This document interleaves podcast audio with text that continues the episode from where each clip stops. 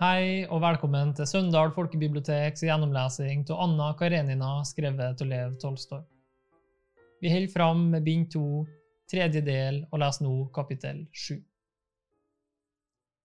Samtidig som Stepan Arkadic kom til Petersburg for å utføre en plikt som alle i tjenesten kjenner, skjønt den er uforståelig for dem som ikke er i tjenesten, en plikt så naturlig og nødvendig at man ikke kan tjenestegjøre uten den, nemlig å minne folkene i ministeriet om sin tilværelse, og samtidig som han hadde tatt med seg nesten alle pengene hjemmefra, og nå tilbrakte tiden muntert og behagelig på veddeløp og rundt om på sommervillaene under utførelsen av sin plikt, var Dolly og barna reist på landet for å skjære utgiftene ned så langt råd var. Hun var flyttet til landsbyen Jergusjovo, som hun hadde fått i medgift, nettopp det godset hvor det var blitt solgt skog sist vår. Det lå 50 verst fra Levins gods på Krovskoje. På Jergusjovo var det gamle, store huset for lengst revet. Hennes far hadde innredet og utvidet en av fløybygningene. For en 20 års tid siden, da Dolly var barn, hadde fløybygningen vært rommelig og bekvem, skjønt den sto som alle fløybygninger med siden sydvendt ut mot oppkjørselsalleen. Men nå var denne fløybygningen gammel og råtten. Alt i vår, da Stepan Arkadic reiste for å selge skogen, hadde Dolly bedt ham å se på huset og gi beskjed om å reparere det som var nødvendig. Som alle skyldige ektemenn var Stepan Arkadic meget bekymret for sin hustrus velvære, gikk selv over huset og ga beskjed om alt som han mente trengtes. Efter hans mening var det nødvendig å trekke om alle møblene med kretong, henge opp gardiner, rydde i haven, slå en bro ved dammen og plante blomster, men han glemte mange andre nødvendige ting, og at de manglet plaget siden livet av Darja Aleksandrovna. Hvor mye Stepan Arkadic enn anstrengte seg for å være en omsorgsfull far og ektemann, var det umulig for ham å huske at han hadde kone og barn. Han hadde en ungkars smak, og han tok bare den i betraktning. Da han kom tilbake til Moskva, erklærte han konen stolt at alt var satt i stand, at huset ville være det rene leketøy å hanskes med, og at han absolutt rådet henne til å reise. For Stepan Arkadic var det meget behagelig i enhver henseende at konen dro på landet. Sunt for barna, mindre utgifter og større frihet for ham. På sin side mente Darja Aleksandrovna at det var nødvendig å flytte på landet for sommeren, særlig for den ene datterens skyld som ikke riktig kunne komme seg etter skarlagensfeberen, og endelig ville hun fri seg fra alle de små ydmykelsene som plaget henne, smågjelden til vedbolag, fiskehandler og skomaker. Dessuten gledet hun seg til å reise fordi hun drømte om å få lokket Kitty ut til godset til seg, hun skulle komme hjem fra utlandet midt på sommeren og hadde fått ordinert bad. Kitty skrev fra badestedet at det var intet som var mer forlokkende for henne enn en sommer sammen med Dolly på Jergusjovo, som var fullt av barndomsminner for dem begge. Den første tiden på landet var svært tung for Dolly. Hun hadde bodd på landet som barn, og efter det satt hun igjen med et inntrykk av at landet betydde befrielse fra alle byens fortredeligheter, at selv om ikke livet var skjønt der, det hadde Dolly lett forsonet seg med, så var det til gjengjeld billig og bekvemt. Man hadde alt, alt var billig, og alt kunne skaffes, og så hadde barna det så godt. Men nå da hun kom til landsbyen som husmor, oppdaget hun at det ikke var just slik som hun hadde forestilt seg. Dagen efter at det var kommet, øste regnet ned, og om natten dryppet det både i korridoren og på barneværelset, så sengene måtte bæres inn på stuen. Det var ingen kokke for tjenerskapet. Av ni kuer var, viste det seg av det budeien sa, noen drektige, andre hadde nettopp fått sin første kalv, atter andre var for gamle, og noen var endelig svært trege til å melke. Ikke fikk de smør, og ikke var det nok melk til barna engang. Egg fantes ikke. En høne var umulig å oppdrive. De stekte og kokte gamle, blålige, senete haner. Det var umulig å finne skurekoner. Alle arbeidet i potetåkeren. Å kjøre en tur gikk ikke an, for den ene hesten var lunefull og slet bare i vognstangen. Det var ingen badeplass, hele elvebredden var trakket til av kveget og lå åpen mot veien. Til og med en spasertur kunne man ikke ta, for kuene kom seg inn i haven gjennom det ødelagte gjerdet, og så var det en fæl okse som buret og derfor skremte alle sammen. Det var ingen skap hvor de kunne henge klær, de som var, lot seg ikke lukke og for opp av seg selv bare man gikk forbi dem. Gryter og krukker fantes ikke, Kjele til vaskerommet og endog strykebord til pikeværelse manglet også. Istedenfor å komme til ro og hvile, var Darja Aleksandrovna havnet oppi dette som for henne tok seg ut som de frykteligste ulykker, og den første tiden var hun fortvilet. Hun strevet alt hun vant, men følte at situasjonen var håpløs og måtte hvert øyeblikk kjempe med tårene som ville frem i øynene hennes. Forvalteren, en forhenværende standardjunker Stepan Arkadic var blitt glad i og hadde hjulpet frem fra dørvaktarbeidet, viste ingen som helst deltakelse i Darja Aleksandrovnas ulykker. Han sa bare høflig Aldeles umulig, det er elendige folk, og hjalp henne ikke det minste. Stillingen så håpløs ut, men i Oblonskijs hus, som i alle andre familiehus, var det et vesen som gjorde lite av seg, men som var ytterst betydningsfullt og nyttig. Matrona Filomanovna. Hun beroliget fruen, forsikret henne at alt ville skikke seg. Dette var hennes uttrykk, og det var fra henne Matvei hadde det, og uten hastverk eller uro gjorde hun sin gjerning. Hun sørget straks for å komme på god fot med forvalterkonen, og hadde alt den første dagen drukket te sammen med henne og forvalteren under akasiene og drøftet alle sakene. Snart dannet det seg en Matrona Filomanovnas klubb under akasiene, og her, gjennom denne klubben, som besto av forvalterkonen, arbeidsformannen og kontoristen, begynte livets vanskeligheter så smått å løse seg opp, og etter en uke hadde virkelig alt skikket seg. Taket ble reparert, en kokkepike ble funnet, arbeidsformanns gudmor, høns ble innkjøpt, kuene begynte å gi melk, et stakitt ble satt opp rundt haven, tømmermannen laget en rulle, skapene fikk kroker på og sluttet å fare opp uten videre, en strykefjel betrukket med uniformsklede ble lagt fra en stolrygg og bort på kommoden, og i pikeværelset kjentes lukten av strykejernet. Se så, og de som var så fortvilet, sa Matrona Filmanovna og pekte på fjellen. Det ble til og med bygget et badehus av halmmatter. Lilly begynte å bade, og Darja Aleksandrovnas forventninger om et landsens liv som var bekvemt, om ikke akkurat fredfullt, gikk delvis i oppfyllelse. Med seks barn kunne ikke Darja Aleksandrovna få fred. Den ene ble syk, den andre kunne bli syk, den tredje manglet noe, den fjerde la for dagen tegn på dårlig karakter, osv. Sjelden, sjelden kom det korte, rolige perioder. Men dette strevet og disse bekymringene var den eneste oppnåelige lykke for Darja Aleksandrovna. Hadde ikke dette funnes, ville hun sittet ensom igjen med tankene på mannen som ikke elsket henne. Men hvor tung enn redselen for sykdommer, sykdommene selv og sorgen over tegn på dårlige tilbøyeligheter hos barna er for en mor, så betalte barna henne alt nå igjen for sorgene hennes med små gleder. Disse gledene var så små at de var like vanskelig å få øye på som gullkorn i sanden, og i vonde øyeblikk så hun bare sorger, bare sand, men det fantes også gode øyeblikk da hun så bare gleden, bare gullet. Nå, mens hun bodde alene på landet, begynte hun stadig oftere å tenke på disse gledene. Ofte når hun så på dem, forsøkte hun på alle måter å overbevise seg om at hun tok feil, at hun som mor var hildet i synet på sine egne barn. Allikevel kunne hun ikke annet enn si til seg selv at barna hennes var vidunderlige, alle seks, i hver sin alder, men alle unger man sjelden så make til og hun var lykkelig og stolt over dem.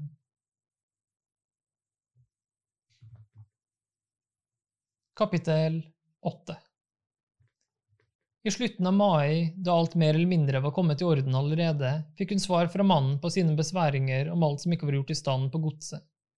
Han skrev og ba om forlatelse for at han ikke hadde tenkt på alt, og lovet å komme ved første anledning. Denne anledningen bød seg ikke, og til begynnelsen av juni levet Darja Aleksandrovna alene på godset. En søndag i Peterfasten kjørte Darja Aleksandrovna til høymesse for at alle barna skulle gå til alters. I sine intime, filosofiske samtaler med søsteren, moren eller vennene sine hadde Darja Aleksandrovna svært ofte forbauset dem med sitt fritenkeri i religiøse spørsmål.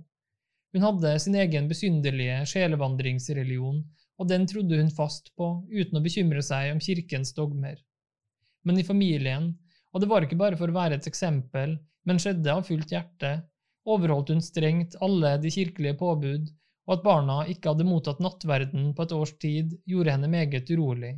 Så til matrona Firmanovnas fulle tilfredshet besluttet hun å ordne dette nå i sommer. Darja Aleksandrovna hadde flere dager i forveien vært opptatt av tanken på hvordan hun skulle kle barna.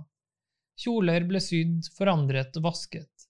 Border og falbelader ble gjort bredere, knapper ble sydd i, og bånd ble gjort ferdige.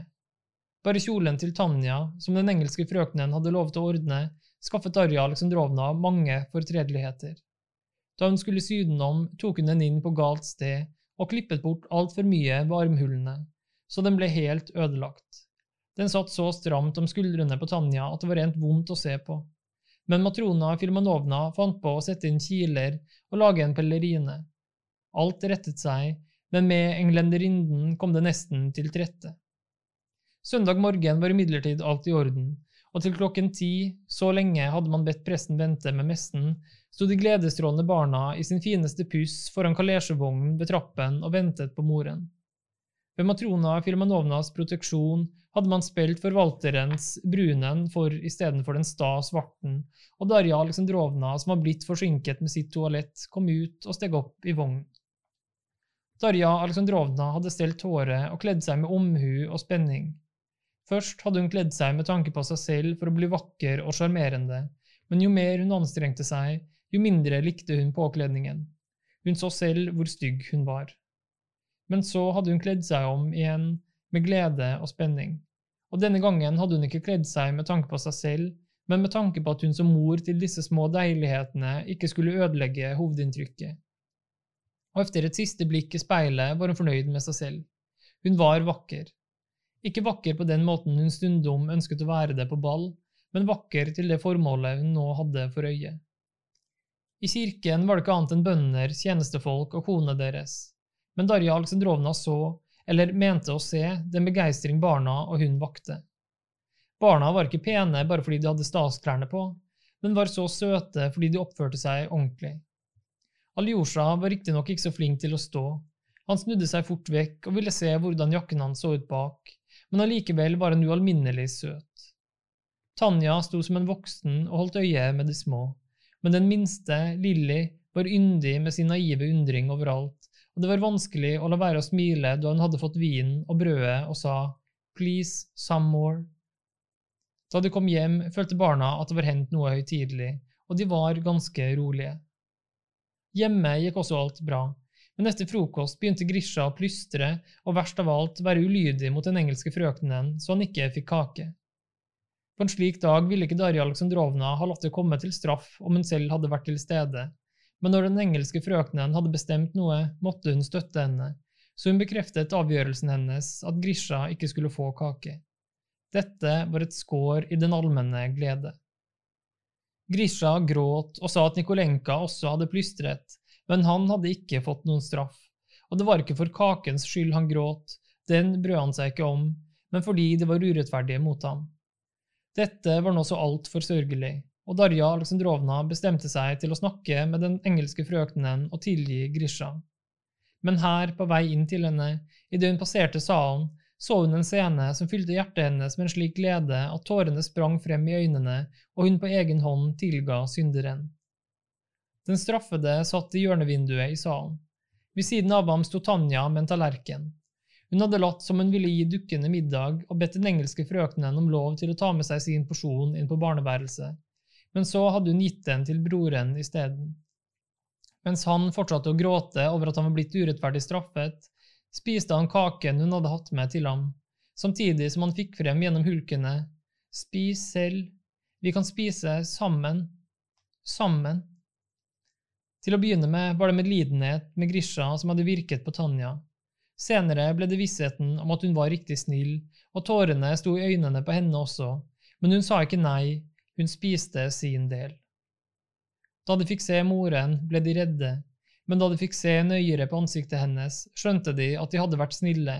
De begynte å le, og med munnen full av kake begynte de å tørre de smilende leppene med hendene og klinte tårer og syltetøy rundt i hele det strålende ansiktet. Herregud, de nye hvite klærne. Tanja, Grisha, sa moren og forsøkte å redde klærne, men tårene sto i øynene hennes, og et salig, henrykt smil strålte om munnen. De tok av seg de nye klærne. Pikene fikk beskjed om å ta på bluser, guttene gamle jakker, og så ble det, til forvalterens ergrelse, igjen gitt ordre om å spenne brunen for, så de kunne dra i sjarabanken og bade og plukke opp. Et henrykt vin lød innenfra barneværelset, og det ble ikke stille før de dro for å bade. Av sopp plukket de en kurv full, og selv Lilly fant en kusopp. Før hadde det vært slik at Miss Gull hadde funnet soppene og vist henne dem, men nå hadde hun funnet en stor kusopp selv, og det lød et samstemmig henrykt hyl. Lilly har funnet en sopp. Det var nok strevsomt å passe på alle barna og stagge villskapen deres. Det var nok vanskelig å holde rede på og ikke blande sammen alle disse strømpene, buksene, skoene til forskjellige ben, og stadig ta alle disse listene og knappene opp og igjen, men Darja Aleksandrovna, som selv alltid hadde likt å bade, og som mente at det var nyttig for barna, frydet seg aldri slik som når hun kunne bade sammen med alle de små. Ta i alle disse lubne små bena, trekke på dem strømper, kjenne alle disse nakne små kroppene i hendene sine og dukke dem under, snart til frydefulle, snart til vettskremte vin, se disse prustende ansiktene med vidåpne, redde og leende øyne, disse plaskende puttjene sine, det var for henne den største nytelse. Da halvparten av barna alt var i klærne, kom noen bondekoner i søndagspuss frem til badehuset og stanset engstelig. De var ute for å samle skvallerkål og vortemelk. Matrona ropte til en av dem og ba om å få et badehåndkle og en skjorte som var falt i vannet og måtte tørres, og Darja Aleksandrovna kom i snakk med konene. Til å begynne med fniste konene med hånden for munnen og forsto ikke hva de ble spurt om, men snart tok de mot til seg og kom på glid og Darja Aleksandrovnas hjerte vant de øyeblikkelig, slik en ærlig glede over barna de ga uttrykk for. Nei, se for en liten skjønnhet, hvit som sukker, sa en av dem, der hun sto oppslukt av Tanetsjka og rystet på hodet, men hun er jammen mager. Ja, hun har vært syk. Se, han der har visst også fått bade, sa en annen om spedbarnet. Nei, han er bare tre måneder gammel, svarte Darja Aleksandrovna stolt. Å nå, men har du barn? Jeg har fått fire, to lever, en gutt og en jente. Jeg vennet henne av her før siste faste. Hvor gammel er hun? På det andre året. Hva, hvorfor ammet du henne så lenge? Skikken er så hos oss, tre faster, og nå ble samtalen virkelig interessant for Darja Aleksandrovna. Hvordan gikk fødselen, hvilke sykdommer har barnet hatt, hvor er mannen din, er han ofte på besøk? Darja Aleksandrovna hadde ingen lyst til å forlate konene, så interessant syntes hun det var å snakke med dem, og så fullstendig falt deres interesser sammen. Best av alt likte Darja Aleksandrovna at hun tydelig kunne se hvordan disse konene beundret henne fordi hun hadde så mange og pene barn. Bondekonene fikk også Darja Aleksandrovna til å le, og fornærmet den engelske frøkenen som var årsaken til denne latteren hun ikke kunne forstå. En av de yngre konene holdt øye med englenderinnen, som kledde på seg efter de andre, og da hun hadde fått på seg det tredje skjørtet, kunne ikke konen dy seg lenger. Se på henne, du. Tuller og tuller, men får aldri tullet nok på seg, sa hun, og alle brast i latter. Kapittel 9 Darja Aleksandrovna, med tørkle på hodet og omgitt av alle de nybadede, våte barnehodene, kjørte alt opp til huset da kusken sa Der kommer det en gående, det ser ut som det er herren på Pokrovskoje. Darja Aleksandrovna kikket ut og så fremover. Der fikk hun til sin glede øye på Levins kjente figur som kom gående mot dem, iført grå hatt og grå frakk. Hun var alltid glad for å se ham, men nå var hun særlig glad over at han skulle få se henne i all hennes prakt. Ingen kunne bedre enn Levin forstå hennes storhet. Da han fikk øye på henne, fant han seg hensatt foran et bilde av det familieliv han så for seg inne i fremtiden. De er en riktig hønemor, Darja Aleksandrovna. Nei, så hyggelig, sa hun og rakte ham hånden. De synes det er hyggelig, ja vel, men de har ikke gitt livsteinen fra dem. Jeg har min bror boende hos meg. Det var først av et brev fra Stiva jeg fikk vite at de var her. Fra Stiva? spurte Darja Aleksandrovna forundret. Ja, han skriver at de har flyttet hit ut, og tenker de tillater meg å hjelpe dem med et og annet, sa Levin, men ikke før hadde han sagt det, så ble han forlegen, brøt tvert av og fortsatte å gå ved siden av sjarabanken uten å si noe, mens han rev av lindekvister og tygget dem i filler. Han var forlegen fordi han trodde Darja Aleksandrovna måtte synes det var pinlig å motta hjelp fra en fremmed i noe mannen hennes burde ha ordnet med, og Darja Aleksandrovna likte heller ikke denne uvanen Stepan Arkadic hadde med å nevne familieanliggender for uvedkommende. Hun hadde straks forstått at Levin skjønte det. Denne forståelsesfullheten, denne fintfølelsen, var det også Darja Aleksandrovna satte pris på hos Levin. Jeg forsto naturligvis, sa Levin, at dette bare skulle bety at de ønsket å se meg, og det gledet meg virkelig. Jeg kan godt forestille meg at de, en byhusmor, må synes det er primitivt her, og skulle de behøve det, står jeg til deres tjeneste. Nei, slett ikke, sa Dolly. Den første tiden var ikke så lett, men nå har alt ordnet seg på beste måte takket være min gamle amme, sa hun, og pekte på Matrona Filmanovna, som forsto at man snakket om henne, og sendte Levin et blidt og vennlig smil. Hun kjente ham og visste at han var en god frier for frøkenen, og hun ønsket at den saken måtte gå i orden. Vær så god, ta plass, vi kan trykke oss sammen her, sa hun til ham. Nei, jeg går. Unger, hvem vil løpe om kapp med hestene sammen med meg?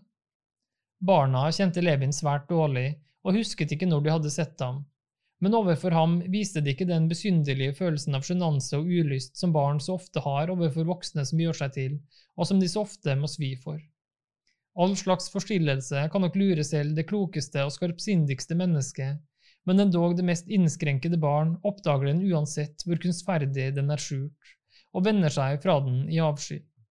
Levin kunne ha så mange feil han ville, men forstillelse fantes ikke i ham, og derfor viste barna ham den samme vennlighet som de fant i morens ansikt. På hans oppfordring sprang de to eldste straks ned til ham og satte av sted sammen med ham ganske uten videre, akkurat som om de skulle ha løpt sammen med barnepiken Miskull eller moren. Lilly begynte også å ville ned til ham, og moren rakte ham henne.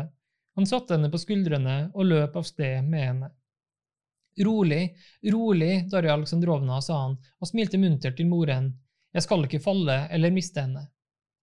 Og da hun så de behendige, kraftige og så varsomme og forsiktige og altfor anspente bevegelsene hans, falt moren til ro og sendte ham et glad og fornøyd smil.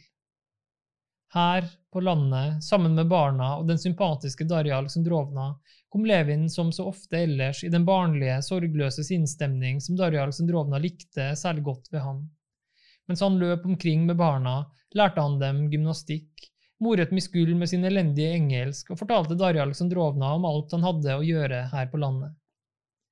Da de satt ved siden av hverandre på balkongen etter middagen, begynte Darja Aleksandrovna å snakke om Kitty. Vet De hva, Kitty kommer hit og blir her sommeren over hos meg. Virkelig, sa han blussende rød og skiftet samtaleemne med en gang. Er det så at jeg skal sende dem to kuer? Hvis jeg vil gjøre opp, kan de betale meg fem rubler måneden, om det ikke er pinlig for dem, da. Nei, ellers takk, alt er i orden her nå. Vel, da skal jeg ta en titt på kuene deres, og med deres tillatelse vil jeg gi beskjed om hvordan de skal fôres. Fôret betyr alt og bare for å bringe samtalen inn på andre veier, forklarte Levin Darja Aleksandrovna meieribrukets teori, at en ku bare var en maskin som gjorde fôr om til melk, osv. Han snakket om dette og ønsket lidenskapelig å høre nærmere om Kitty, men var på samme tid redd for det. Han var redd for at den roen han hadde tilkjempet seg med så stor møye, skulle spoleres. Ja vel, men noen må jo også passe på alt dette, og hvem skulle det bli? svarte Darja Aleksandrovna mutt. Gjennom Matrona Filmanovna hadde hun nå fått så god sving på gårdsdriften at hun ikke ville gjøre noen forandringer i den. Dessuten hadde hun ingen tillit til Levins landbrukskunnskaper. Snakket om at kua var en maskin som produserte melk, syntes hun virket mistenkelig. Hun mente at slike tanker bare måtte hemme driften. For henne tok alt dette seg langt enklere ut. Det eneste som skulle til, hadde Matrona Filmanovna forklart, for å gi Pestrusja og Pelopaccia mer fôr og drikke og passe på at kokken ikke bare skyller fra kjøkkenet til vaskekonens ku. Dette var greit, men alt snakket om kraftfôr og grøntfôr var mistenkelig og uklart. Men hovedsaken var at hun hadde lyst til å snakke om Kitty. Takk for oppmerksomheten. Oppleser var Torgeir Brun. Podkasten er produsert av Sunndal folkebibliotek ved Torgeir Brun. Det prosjektet her er støtta av Nasjonalbiblioteket, og takk til Gyllendal Norsk Forlag for bruk av deres oversettelse.